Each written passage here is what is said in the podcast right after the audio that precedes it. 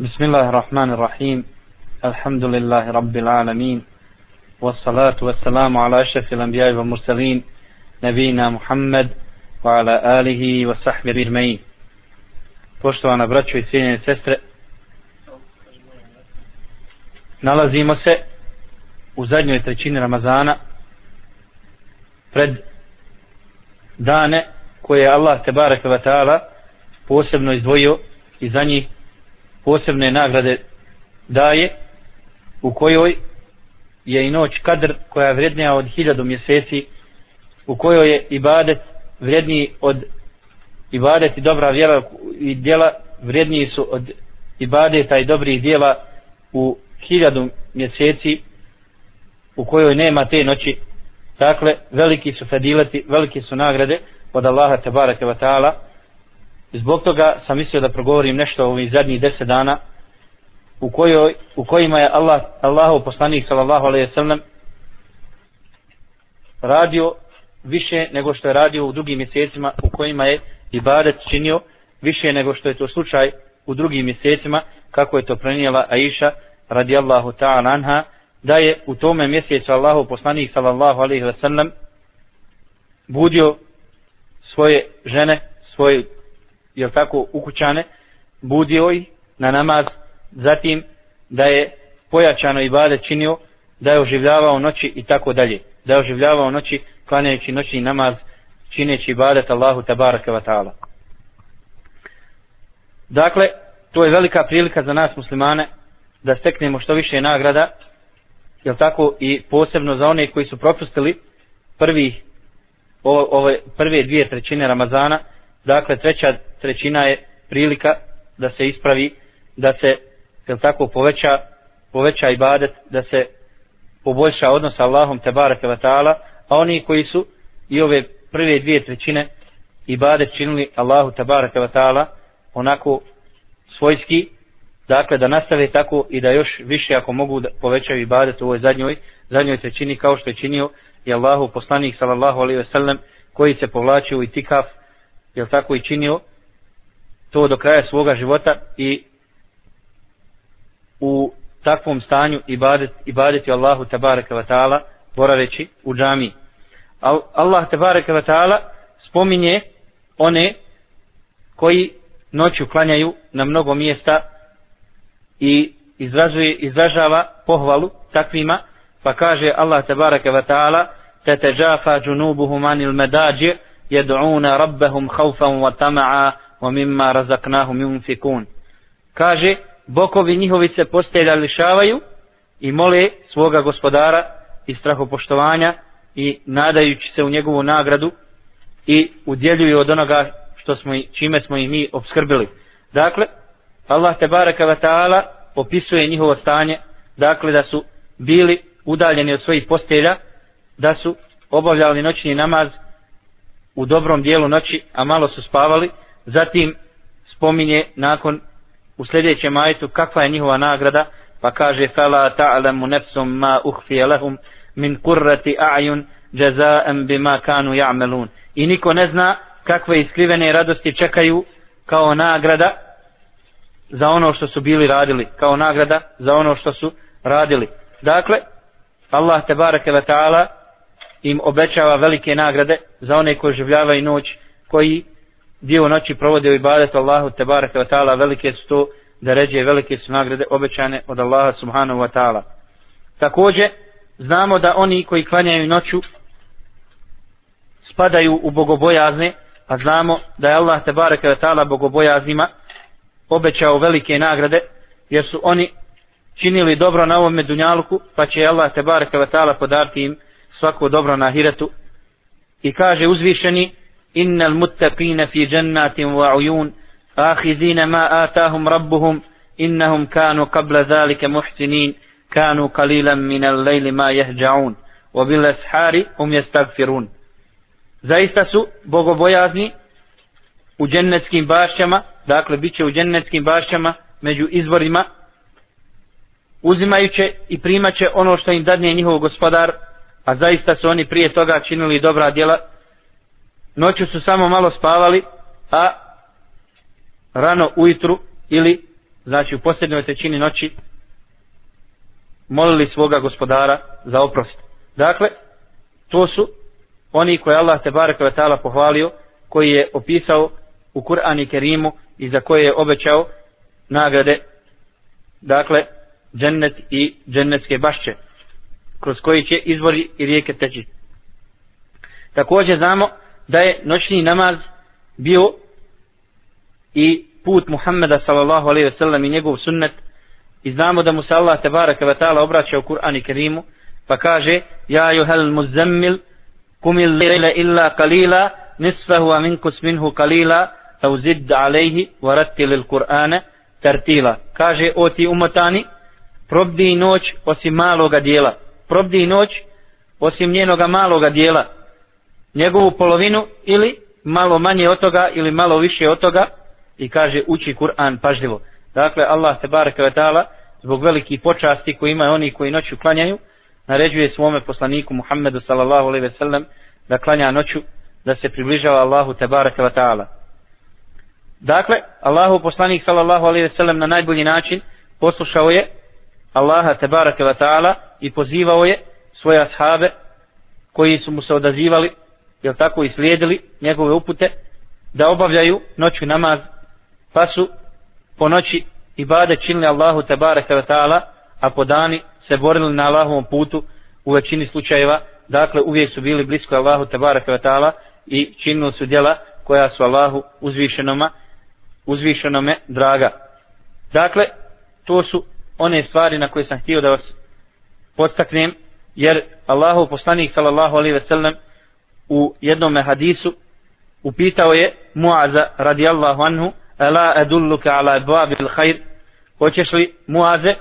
da te uputim na vrata hajra, na vrata dobra? Pa je rekao as-sawmu junne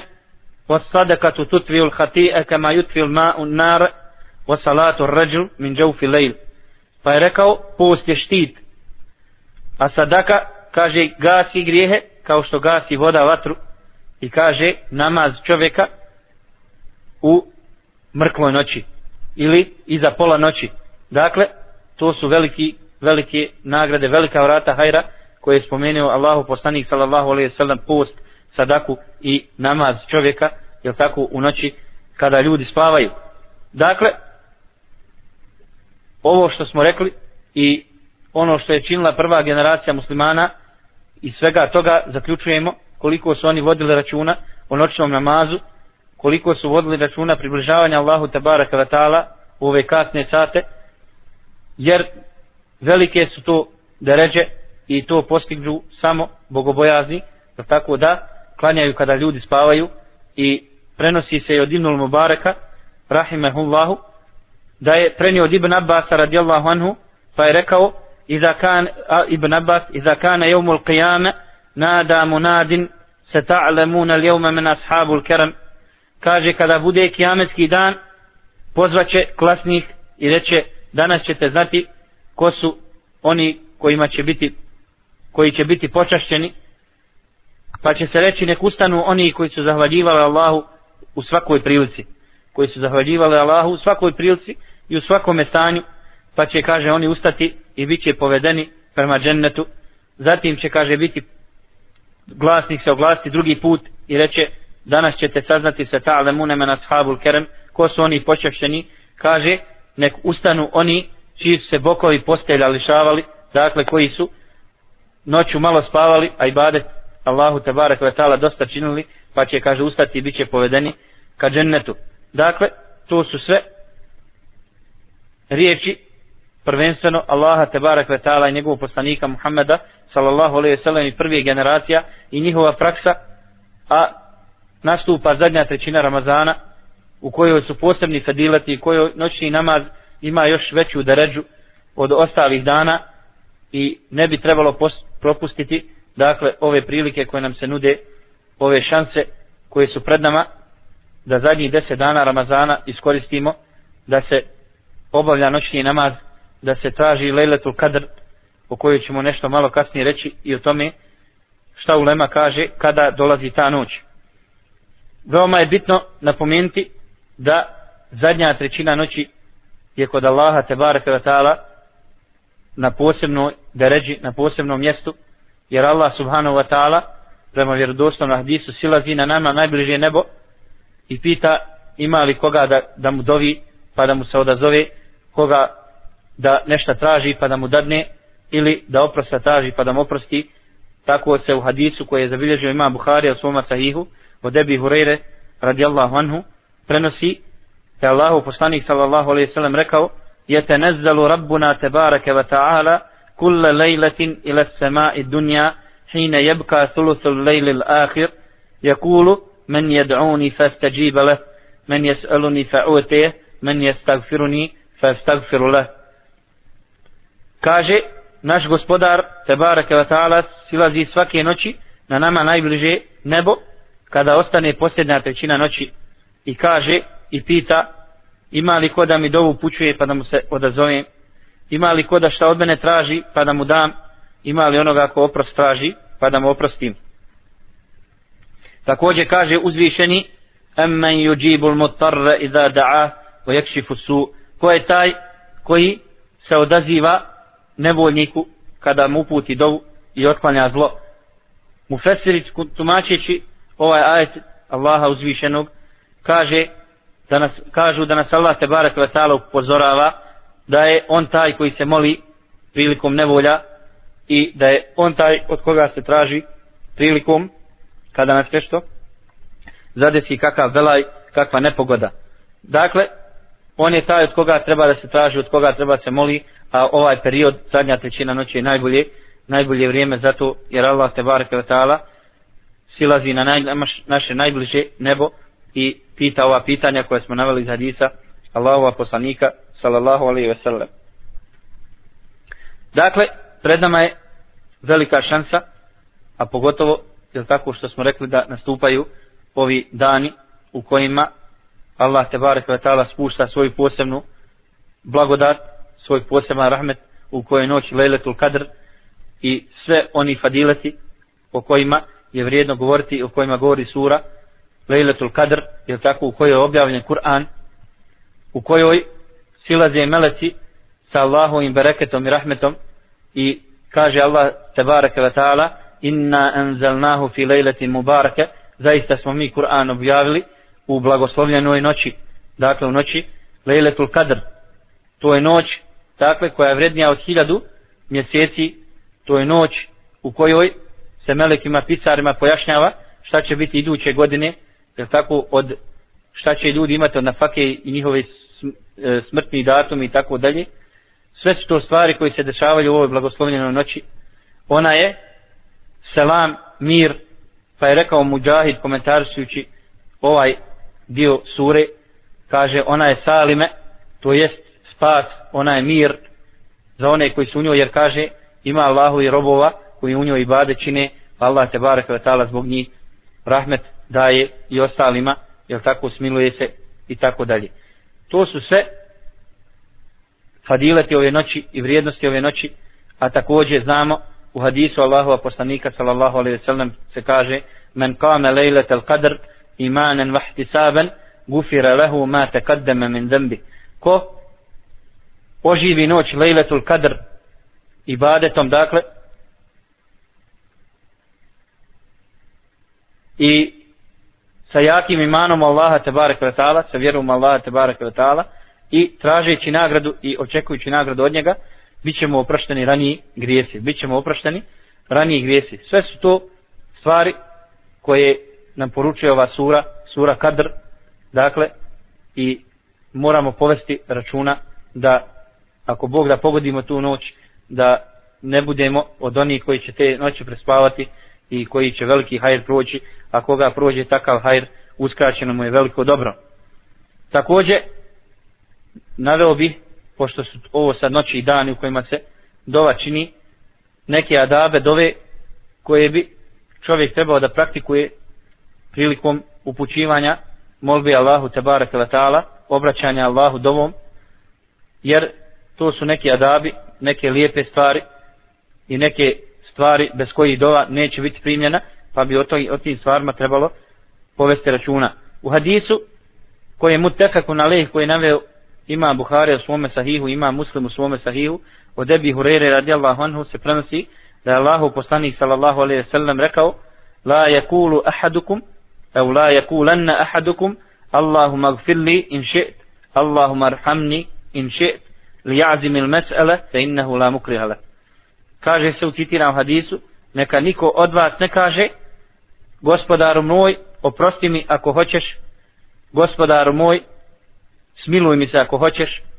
Neka kaže bude odlučan u svome traženju. Neka bude odlučan u svome traženju jer kaže Allaha ne može niko ni našta primorati. Allaha ne može niko ni našta primorati. Dakle kad mori jedan od nas treba da kaže Allahu dragi oprosti mi Allahu dragi smiluj mi se ne treba da dodaje ovo ako hoćeš jer tako jer to je vid možda sumnje u da će biti dova odgovorena nego treba da bude odlučan u molbi Allaha tabaraka wa ta'ala. Također čovjek treba da vodi računa na trenutke kada upućuje dovu jer postoje trenuci kada se dova priča kada se dova prima e, više nego što je to slučaj sa drugim vremenima pa također tako znamo da između i kameta između ezana i kameta je period kada je pohvalno učiti dovu i kada se dova prima zatim musafir, zatim prilikom padanja kiše u zadnjoj trećini noći o kojoj smo već govorili zatim e, petkom kada je džuma, jel tako? Sve su to trenuci kada čovjek treba da se obraća Allahu te barek ta'ala domom više nego u ostalim, u ostalim periodima jer ove, ove, ovi trenuci su spomenuti u hadisma Allahova poslanika sallallahu alejhi ve sellem kao posebne, posebne prilike za upućivanje dove Allahu te barek ta'ala. Takođe od azaba dove je da čovjek počne dovu sa zahvalom Allahu tebareka ve ta'ala, sa pohvaljivanjem Allaha uzvišenoga, sa njegovim imenima, svojstvima i blagodatima koje nam je darovao, zatim da donese salavat na Allahova poslanika, sallallahu alaihi ve sellem, pa tek onda da zatraži od Allaha tebareka ve ta'ala ono što je naumio. I kada završi sa dovom, da završi isto tako sa, sa salavatom na Allahova poslanika, sallallahu alaihi ve sellem, i zahvalom Allahu uzvišenom također od adaba i lijepi stvari prilikom dove da čovjek bude pod abdestom da bude okrenut prema kibli i da ponavlja dovu tri puta kako je došlo u muslimovom sahihu dakle u sahih predaju od Allahova poslanika sallallahu alaihi ve sellem sljedeća stvar koju moramo voditi računa jeste da čovjek ne požuruje dovu to jest da ne kaže molio sam Allaha te bareke wa ta'ala pa mi se nije odazvao jer mi znamo da dova ne mora biti odmah uslušana, može biti uslišana odma, može biti za neko vrijeme, a može i Allah te barek ve taala ostaviti za hiret. jel tako? Pa da tamo imadnemo koristi od nje. Međutim ljudi po svojoj prirodi žele odgovor brzo, žele ispunjenje dove brzo, pa neki požure i kažu molio sam Allaha te barek ve taala, pa mi se nije odazvao, a u hadisu Allahova poslanika sallallahu alejhi ve sellem koji je prenio Ebu Hurajre kaže se yustajabu li ahadikum ma lam ya'jal Jekulu da'awtu felem, felem yustajab li kaže Allahu poslanik sallallahu alaihi ve sellem jednom od vas će biti primljena dova sve dok ne bude požurio pa kaže molio sam u dovi ili dovu sam putio pa mi nije nije uslišana. Dakle takvome dova neće biti primljena zatim trebamo spomenuti također još jednu stvar, a to je itikaf, a to je boravljenje u džami zadnjih deset dana Ramazana, kao što je i radio Allahu poslanik sallallahu alaihi sallam kada je došao u Medinu do kraja svoga života, boravio je u džami, je tako, i to pogotovo u zadnjoj trećini Ramazana, u zadnjoj trećini Ramazana, upravo zbog vrijednosti ovih dana i zbog noći leletu kadr tražići i tako dalje, Dakle, itikaf je sunnet Allahova poslanika, sallallahu alaihi sallam, i to potvrđeni sunnet. Obavlja se zadnjih deset dana Ramazana. Međutim, onaj koji nije u stanju deset dana Ramazana, može da zanijeti i manje od toga, onoliko koliko u stanju, uglavnom, da se oživi taj sunnet Allahova poslanika, sallallahu alaihi sallam, koji je u velikoj mjeri zapostavljen, jer velika je blagodat provesti nekoliko dana u Allahu i Tebarek kući daleko od Dunjavka, odvojen od materijalnog gdje čovjek je ograničena ibadet Allahu tebarek ve ta'ala gdje duša čovjeka dođe do jednog preporoda kada nema ništa između nje i Allaha uzvišenoga od ovog materijalnog, od ovih poslova koje čovjeka u nekoj mjeri odvoje od Allaha subhanahu wa ta'ala. Dakle, ako mognemo, smognemo snage i pobjedimo šetana da odvojimo nekoliko dana u ime Allaha tabaraka wa ta'ala, da se odvojimo od supruge, da se odvojimo od djece, da se odvojimo od dunjalučkih poslova i da proboravimo u džami, vidjet ćete da je to znači svaka korist za nas, svakojaka korist koja će nam donijeti velike nagrade i poboljšati nas odnos prema Allahu uzvišenom tako da ćemo poželjeti iduće godine da što više boravimo ti kafu i što više da se približimo Allahu tabaraka wa ta'ala. Dakle, to su sve stvari na koje sam htio da vam ukažem i ostaje nam još jedna stvar, a to je Lejletul Kadr, kada ona biva, da li je ona za 27. noć ili je neku drugu noć, sakupio sam predaje koje su od Allahova poslanika sallallahu alaihi ve sellem prenešene na vjerodostojan način, dakle, koje govore o ovoj noći, pa bi ih sada e, izrekao, pa bi onda izašli sa nekim, ako Bog da, prevolađujućim mišljenjem u vezi ove noći. Kaže Allahu poslanik sallallahu alaihi ve sellem u sahih hadisu koji zabilježi ima Buhari u svom sahihu, ima Muslim u svom sahihu, taharrab lejletul qadr fil ashir lawahir min Ramadan. Tražite lejletul qadr u posljednjih 10 dana Ramazana. U drugom hadisu Allahu poslanik sallallahu alejhi ve sellem kaže: taharrab lejletul qadr fil vitri min al ashir lawahir min Ramadan. Tražite lejletul qadr u neparnim noćima zadnjih 10 dana Ramazana. Ovaj rivat je samo kod imama Buhari, znači u neparnim noćima zadnjih 10 dana Ramazana. Od Ibn Omera, radijallahu anhu, prenosi se hadis, takođe najvećeg stepena vjerodostojnosti, zabilježen kod Buharije, kod imama Buharije, imama muslima, anna unasen uru lejlete al-qadr fi sebe il-evakhir, wa anna unasan uru annaha fi ašir il-evakhir, fa kala nabiju sallallahu alaihi ve sellem, iltemisuha fi sebil evahir. Kaže, se od Ibn Omera, da su ljudi u snu vidjeli da je Lejlatul Kadr u posljednjih sedam dana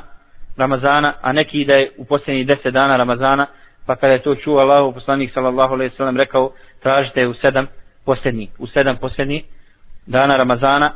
a postoji još jedna predaja u vezi sedam posljednjih dana Ramazana, gdje je rekao Allahu poslanik sallallahu alaihi sallam u predaji kod imama muslima, il temi suha filaši levahir, jani lejlet al kadr, fa in dau fa ahadukum wajaz fala yuglabanna ala sabil bawaqi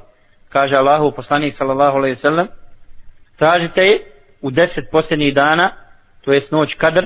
a kaže ako neko od vas bude slab ili nesposoban, neka mu kaže ne prođu zadnji 7 dana. Neka mu ne prođu zadnji 7 dana. Jedna grupa učenjaka smatra da je to 27. noć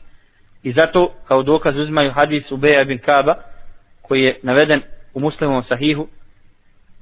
u kome je on rekao Wallahi inni la a'lamuha wa aktharu ilmi je lejletu leti emarana Rasulullahi sallallahu alaihi wasallam bi kijamija je lejletu sebrin po išrin. Rekao je Allaha mi ja znam koja je to noć. To je noć koju nam je vjerovjesnik sallallahu alaihi wasallam naredio da provodimo ibadetu a to je 27 noć ovo je dokaz za one koji kažu da je 27. noć Lejletul Kadr i za koje mišljenje uzima većina islamskog umeta, je tako pa vidimo ljude da hrle u džamiju za 27. noć,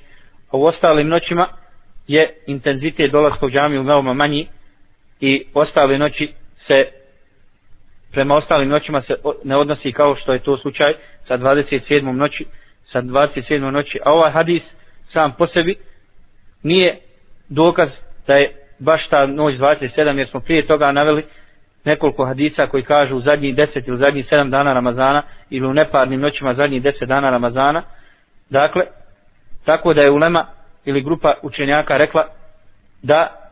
je ipak preovlađujuće mišljenje to zadnjih deset dana Ramazana ili neparne noći, zadnjih deset dana Ramazana, jer Allahu poslanik sallallahu alejhi ve sellem nije nam ostavio jasno kada je ona, a ovo što se tiče u jednog rivajata za 27. noć, to je mogla biti te godine, znači Leletu Kadr 27. noći nije ograničeno da to bude svake godine, jer po njima Leletul Kadr se pomjera, pomjera svake godine, zato je Allahu poslanik sallallahu alejhi ve sellem nekada govorio u 7, nekada u zadnjih 10, oni smatraju da se ona pomjera. Dokaz isto ime, je tako, da Allahu poslanik sallallahu alejhi ve sellem nije precizirao koja je to noć i iako je od Allaha te barek ta'ala dobio znanje o tome shodno hadisu Urveta, od, odnosno Ubade ibn Samita radijallahu anhu